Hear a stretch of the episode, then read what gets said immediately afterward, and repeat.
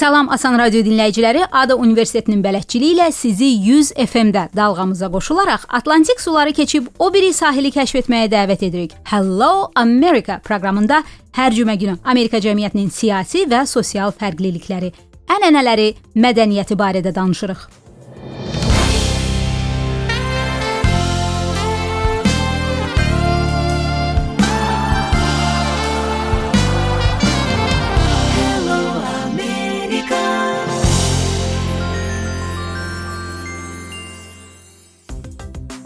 Təhsil bir xalqın gələcək uğurunun ən yaxşı proqnozçusudur. İqtisadi Əməkdaşlıq və İnkişaf Təşkilatının göstəricilərinə görə bu mənada ən yaxşı gələcək Böyük Britaniya, ABŞ, Kanada, Almaniya və Fransanı gözləyir. Çünki təhsilli yetkin əhalisinin sayı baxımından yüksək nəticələr nümayiş etdirirlər. Amerika xüsusilə ali təhsil baxımından dünyanın ən yaxşı universitetlərinin yerləşdiyi ölkə kimi tanınır. Lakin orta təhsilə gəldikdə bir vaxtlar qlobal reytinqlərdə aparıcı yer tutan fövqəli dövlət geriləyib. Ekspertlər bunu son illərdə ölkədə təhsil sahəsində kifayət qədər islahatların aparılmaması ilə izah edirlər. ABŞ şagird başına düşən büdcə baxımından hələ də birinci olsa da, ayrılan resurslar dəyişən təhsil prioritetlərinə uyğun istifadə olunmur və bu imkanlar ölkənin hər yerində eyni deyil, ştatdan ştata fərq edir. Amerika orta məktəblərini daha yaxşı anlamaqda bizə bu gün qonağımız kömək edəcək. Aynurə Abdullayeva, Sabunçu rayonu orta məktəbinin tarix müəllimi, ABŞ Dövlət Departamentinin xətti ilə SUSI Program for Secondary Educators orta məktəb müəllimləri üçün mübadilə proqramında iştirak edib. SUSI proqramı xarici orta məktəb müəllimlərini ABŞ cəmiyyəti, mədəniyyəti, dəyərləri və təsisatları barədə daha yaxından tanış etmək məqsədi güdür. İştirakçılar orta təhsil səviyyəsində dərs planları və tədris metodologiyasını mükəmməlləşdirmək üçün Amerikada 5 həftəlik təcrübə proqramında iştirak edirlər. Orta məktəblərə gedirlər, dərsləri müşahidə edir, yerli pedaqoqlar və təhsil inzibatçıları ilə görüşürlər. 2019-cu ilin SUSI proqramına Aynurə Abdullayeva Azərbaycandan seçilən yeganə namizəd idi. Aynurə xanım, görünür ki, proqrama düşməkdə rəqabət ciddi idi, elə deyilmi? Əslində Amerika ə, səfirliyinin Azərbaycanda keçirdiyi möhtəşəm çox proqramları var orta məktəb müəllimləri üçün. Ə, onların birinə ə, mən müraciət etmişdim. Bir neçə il bundan əvvəl 2 il dalmadal, amma seçilməmişdim.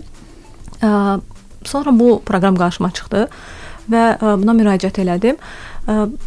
Düzü düşünürdüm ki, yəqin yenə bir e, oxudum axırda ki, bir nəfər ancaq seçiləcək. Oxu araşdıranda proqram haqqında. Yenə düşündüm ki, yəqin yenə mən yox alacağam, yaxşı biri yox. Amma bir də gördüm məni intervyuya çağırdılar. İnanılmaz sevinirdim. Sonra intervyu da keçdi və mənə o seçilmə e-maili gələndə, yəni sevincimdən bilmirdim nə edəyəm. Hamı ilə bölüşürdüm ki, mən Amerikaya gedəcəm axır ki, bu o təcrübəni yaxından yaşayacağam, yəni. Səfəriniz iyun-iyul aylarına düşmüşdü. 5 həftə ABŞ-da oldunuz. Bir müəllim üçün bu yəqin həm ziyarət, həm də ticarət olur, necə deyirlər. Həm məzuniyyətinizi maraqlı keçirə bildiniz, həm də təcrübə topladınız. Proqramın sizə verdiklərini necə qiymətləndirərsiniz? Amerikanın e, deyək tarixi, Amerikanın e, mədəniyyəti, ənənələri haqqında özlərindən öyrənməyə şansım oldu. Onların içində yaşayaraq öyrənməyə şansım oldu. Və həmişə bizə Amerika haqqında müəyyən belə deyək də ə, e, həqiqətlər aşılanır məktəb, orta məktəb dərsliklərində və digər xəbərlərdən və ilaxır. Amma mən başa düşdüm ki, Amerikada heç nəyin tək bir hekayəsi yoxdur. Müəyyən bir hadisə haqqında Hər kəsin fərqli fikirləri ola bilər. Bu da cəmiyyətdə çox normal qarşılanır. Mən onlarda mübahisə mədəniyyətini öyrəndim. Yəni insanlar o qədər gözəl mübahisə eləyirlər ki, ə, yəni tamamilə ayrı-ayrı fikirlər o qədər tolerant yanaşırlar ki, yəni insan sadəcə bundan yəni ki, qürur duya bilər ki, istəyir ki, bizdə də belə bir şeylər olsun. Yəni insan debat aparır. Çox bəli, bəli, çox yaxşı debat apara bilər, çox mədəni şəkildə fikir ayrılıqlarını çox normal qarşılayırlar. Ən çox xoşuma gələn məsələ o idi ki, bizim professorlara sual verəndə, hətta belə o qədər də yaxşı sual olmayan olardı ki, bu əla sualdır, bu yaxşı sualdır. İnsanı yeni bir sual verməyə cəsarətləndirirdilər, yəni hətta danışmayan adamların qrupda. Mən bunu özüm üçün öyrəndim ki, mən də uşaqlarıma belə eləyəcəm, şagirdlərimə.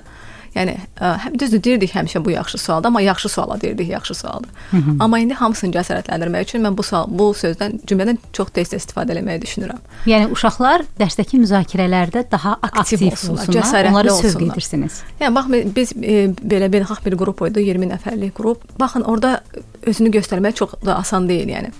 Çox qısa zaman ərzində. Amma müəllimlər o qədər belə öyrənmə mühiti yaratmışdılar ki, insanlar biz sanki bir-birimizi 100 ildir tanıyırdıq. Yəni Hı -hı. çox asan suallar verirdik.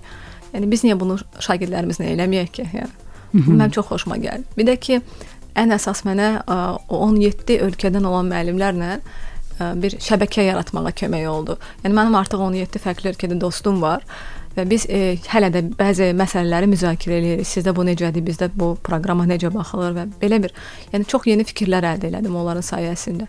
Ona görə mənim üçün çox maraqlı 5 həftə idi həqiqətən. Belə çıxır ki, tədrisdə əsas müəllimdir. Amerikada müəllim fasilitatordur. Bəli, hardasa müəyyən bir rol ona düşür necə rol? Yəni o uşağı düzgün istiqamətləndirir. Orda mən fikir verdim ki, uşaqlara daha çox sərbəst işləməyi öyrədirlər və bir-birindən öyrənməyə şərait yaradırlar. Müəllim bir fasilitator idi. Uşaqlara mənbəni verirdi, tapşırığı verirdi və salam və onu sonra qiymətləndirirdi belə bir şey. Daha çox müstəqil işləməyə. Bəli, bəli, bu çox çox yaxşı bir şeydir uşaqların gələcəyi üçün. Hı -hı. Nə kimi bir qabiliyyət verir bu uşaqlara? Kommunikasiya qabiliyyətlərini inkişaf elətdirir. Yəni qrupdamı, cütdəmi, yəni fərqi yoxdur. Daha sonra isə onların araşdırma qabiliyyətini, yəni ki, ən çox özünə deyə arxayın olmalıdır. Daha çox özünün araşdırdığı mənbələrdən öyrənə bilər. Və dediyim kimi o tək ə, hekayə olmamasına şərait yaradır. Yəni ki, əgər müəllim bir həqiqəti uşaqlara belə biraz pis alına bilər, sırmağa çalışırsa, ə, deyək ki, bu uşaq istər-istəməz müəllimin bir avtoriteti var uşağın qarşısında və uşaq ona inanır hardasa. Amma belə olan halda isə uşaq müxtəlif mənbələrdən öyrənir və bir sinifdə bir məsələ haqqında müxtəlif fikir səslənir. Hı -hı. Bu da istər-istəməz o mən dediyim o yaxşı debat mədəniyyətinə gətirib çıxardır, istər-istəməz o daha tolerant olmasına gətirib çıxardır uşaqların. Dövlət və özəl məktəblər. Bizdə müəllimlər adətən gəlir fərqinə görə ikincisində işləməyə üstünlük verirlər. Amerikada bu baxımdan vəziyyət necədir? Ən əsas məktəblər onlarda ə, ictimai məktəblər dediyimiz məktəblər və ə, charter deyirlər də bu xeyriyyə məktəbləri hesab olunur. Onlar arasında çox ciddi e, bir rəqabət var. Artıq illərdir ə, çox ciddi rəqabət var. Ə, müəllimlər əsasən dəstəkləyir ə, ictimai məktəbləri. Əslində baxanda ictimai məktəblər bizim özəl məktəblərə oxşayırlar doğrudan da. Yəni ə, onlar belə deyim də, həm müəllimlər kurikulumda sərbəstdirlər. Yəni bir dövlət standartı, dövlət proqramı yoxdur, məcburi. Dərsliklər dövlət düzdür verir, yəni həmin o ştat verir, amma ə, müəllim o dərsdən istifadə el eləməyə bilər, yəni o dərsliklərdən. Sərbəst. Pedaqogikaya gəldikdə, bəli, hər bir müəllim üstə gələkdə ki, ə, orada belə bir şey var ki, Amerikada çox maraqlıdır. Ə, hə, ştat vergilərdən təhsilə pul, pul ayırır. Özdə ən çox orta təhsilə pul ayırırlar. Mən belə başa düşdüm. Və həmin o məsələn biz Massachusetts ştatındaydıq. Orada bir tələbəyə, bir şagirdə 16 min dollar pul ayrılır illik. Hmm və hər məktəb çalışır ki, özəl və yaxud da xeyriyyə, həmin charter dediyimiz məktəblər çalışırlar ki, ə, nə qədər çox uşaq qəbul etsələr, onun büdcəsi o qədər çox olacaq. Hı -hı. Buna görə aralarında təhs yaxşı təhsil barəsində, xidmətlər barəsində çox ciddi rəqabət var.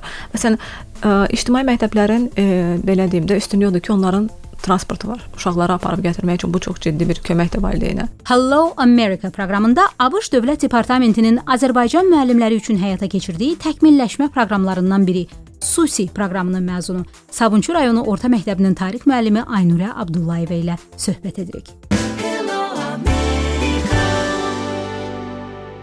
ABŞ-ın Azərbaycandakı səfirliyinin müəllimlər üçün həyata keçirdiyi təkmilləşmə və mübadilə proqramları barədə səfirliyin veb səhifəsi az.usmbc.gov və ya səfirliyin Facebook səhifəsindən öyrənə bilərsiniz. Bu gün haqqında danışdığımız The Study of the US Institutes for Secondary Educators, SUSI, orta məktəb müəllimləri üçün mübadilə proqramı 30-50 yaş arası və ingilis dilini bilən Azərbaycan orta məktəb müəllimləri üçün açıqdır. 2020-ci il SUSI proqramına müraciət noyabrın əvvəlindən etibarən açıq olacaq Siz də Sabunçu rayonu orta məktəbinin tarix müəllimi Aynurə Abdullayeva kimi Amerikada 5 həftə keçirərək ölkənin orta təhsil sistemi ilə yaxından tanış olmaq istəyirsinizsə, müraciət edin. Aynurə xanım, proqramda nələr var idi? Bu barədə danışın lütfən. Biz e, Eastern Hampton kollecinə getdik. High school idi orada, yuxarı siniflər idi. Hansı ştat idi bu? E, bu Massachusetts ştatındaydı. Biz getdik və e, orada bizi bir neçə qruplara böldülər və biz ə, e, dərslərdə iştirak elədik. Bir 10 dəqiqə, 15 dəqiqə müşahidə etmə şansımız oldu. İcazə verdilər, sağ olsunlar. Demək, ə, nəyə görə bir məktəbə getdik onu qeyd edim, çünki biz tətil vaxtı getmişdik Amerikada tətili ona görə çox məktəbə gedə bilmədik. Amma orada dərslər çox interaktivdir. Məsələn, ə, bizdə belə bir müəllim avtoritetini qorumaq bir cəhdi var da. Məsələn, orada mən o cəhdi görmədim. Uşaqlar müəllimlə çox ə, rahat zarafat eləyirdilər. Məsələn, ə, dərsdə müəllim düzdür, ə, bütün keçmiş proqramları ə, deyək ki, təkrar eləyirdi, onları imtahana hazırlayırdı da, amma belə baxanda uşaqlar çox aktiv idilər, tapşırıqlar çox fərqli idi. Yəni sadəcə sual-cavab eləmirdi oyun şəklində bunu. Baxmayaraq 9-cu sinif idi, amma bunu oyun şəklində həyata keçirirdi və hamısı da cəlb olunmuş idilər. Yəni ki, hamısı ə, maraqlı idilər həmin oyunda. Mən düşünürəm ki, belə olanda ə, düzdür, bizdə də belə oyun quran ə, müəllimlər var, bu cür eləyənlər var, amma bizdə o qədər səs-küy olsa məncə bunu bizə irad tutarlar sinifdə ki, siz e, başqalarına mane olursunuz, bu qədər səs-küy eləmək olmaz. Amma yəni ordakı o səs-küydə onlar Çox rahat idi uşaqlar. Baxmayaraq ki, beynəlxalq müəllimlər gəlmişdilər. Heç onların bu vecinə olmadı. Amma bizim sinifə kimsə başqa bir, hətta valideyn girib oturanda uşaq bundan çox sıxılır. Yəni mən istəyirəm mənim də şagirdlərim o cür sərbəst olsunlar. Yəni bunu çox arzulayıram. Bu qeyd etdiklərinizi sizin işlədiyiniz məktəbdə tətbiq etmək nə qədər mümkündür? Texniki avadanlıqlar da çox aşağı səviyyədədir bizim məktəblərdə, amma orada çox yüksək idi. Yəni müəllim ə, eyni vaxtda bir neçə nəfəri müxtəlif işlərə cəlb edə bilirdi o avadanlıqlar vasitəsilə adi proyektor məsəl üçün. Məsələn, mən tarix keçəndə Nəsimidən bir nəsə göstərmək istəyirəmsə, Babəkdən nəsə göstərmək istəyirəmsə, bunu mən aparıb mütləq kompüter otağında eləməliyəm. Bu da həmişə mümkün deyil. Hı -hı. Ya da öz öz ə, laptopumu aparıram, əlimdə göstərə bilərəm. Yəni bu da o qədər effektiv deyil, yəni. Mən Amerikada yaşadığım illərdə xatırlayıram ki, oğlum ibtidai məktəbdə olanda müəlliməsi zəng vurub demişdi ki, dərs zamanı bir yerdə oturmuş, dərsi pozur və məni məktəbə çağırıb buna bir həll yolu tapmağa dəvət etmişdilər. Nəticə etibarilə müəlliməsi oğlumu masa arxasında oturduğu stuldan yerini dəyişdirib, ayrıca yerdə bir döşəkçənin üstündə otuzdurdu. Çünki orada oturmaqdan yorulanda yerindəcə atılıb düşürdü, amma dərsdən fikri yayınmırdı. Belə bir kreativ yanaşma oldu. Amma sualım budur ki, müəllim əlbəttə ki, hər bir şagirdə individual diqqət yetirməkdə çətinlik çəkər. Bir müəllimə sinifdə 20-22 şagird düşür. Amerikada məsələn dərsi pozan və ya çətin davranışlı şagirdlərlə necə işləyirlər? Onların bütün məktəblərin e, daxili nizamnaməsi var, Code of Conduct deyirlər. Uşaqların davranışına bağlı bir məsələlər orada öz əksini tapır, həm də müəllimlərin davranışına bağlı. Demək mən orada ə, e, soruşdum ki, belə uşaqlarla siz necə eləyirsiniz? Məsələn, e, enerji çox olanda yox, məsələn, bilərək dərsi pozmağa çalışan, dərsin e, istəməyən, iştirak eləmək istəməyən də ümumiyyətlə belə uşaqlarla trouble maker deyirlər ona. Belə bir şey. Müəllimə çətinlik yaradan uşaqlarla, bəli. Onlar dedi ki, biz e, onların school counselorları var, məktəb e, belə deyək, məktəb məsləhətçiləri var. Onlar həm e, psixoloq, həm karyera məsləhətçisi, müxtəlif e, deyək ki, rolları özündə birləşdirirlər həm də bütün bu məktəblərin school council, yəni o məktəb ə, e, məsləhətçilərinin özlərinin birliyi var Amerikada. Bir böyük bir birlikləri var. Və onlar dedi ki, bu məsələ ilə əgər çox əgər müəllim öhdəsindən gələ bilmirsə artıq, ə, e, bu məsələ ilə məşğul olur həmin o məs məktəb məsləhətçiləri. Bir növ bizim psixoloqlar kimi amma psixoloq da deyil, təkcə həm də onun karyera məsləhətçisi eyni zamanda. Demək həmin o onlar məşğul olurlar. Ə, e, çox nadir hallarda bu valideyn narahat edirlər. Yəni mən belə başa düşdüm onların dediyinə görə. Bu məktəbin belə deyək, çox zaman daxili məsələsi olur. Məsələn, belə olur, mən də özümdə 45 dəqiqə bir yerdə otura bilmirəm. Uşaq necə necə otursun yəni. Mən onda öz dərsimdə icazə verirəm. Dura bilərsən, biraz kəzə bilərsən, pəncərədən baxa bilərsən. Maraqlı söhbətə görə təşəkkür edirik Aynurə xanım. Təəssüratlarınızdan belə anlayıram ki, digər həmkarlarınıza da bu proqrama müraciət etməyi tövsiyə edərdiniz, elə deyilmi? Mütləq mən çox istəyirəm ki, müəllimlər ingilis dilində özünü ifadə edə bilən müəllimlər bu proqramdan yararlansın. Təkcə bundan deyil, ümumiyyətlə bütün Amerika səfirliyinin keçirdiyi proqramlara müraciət eləsinlər. Yox ala bilərlər ilk vaxtlarda, amma bu səbəb deyil, yəni ki, imtina eləmək üçün mütləq axıra qədər gedin və çox möhtəşəm bir təcrübə qazanacaqsınız axırda. Fikir ayrılığına tolerant olmaq Amerika kimliyinin bir hissəsidir. Axı deyirlər ki, mütləq həqiqət yoxdur. Bunu ifadə edən bir Amerikan deyimi. It's not set in stone. It's not set in stone. Tərcüməsi daşlara yazılmayıb. Mənası isə rəy, razılaşma və ya cədvəl dəyişdirilə bilər. Dəyişməz bircə Hello America proqramının sizinlə görüş vaxtıdır. Gələn cümə saat 18:45-ə qədər. Goodbye. Hello America.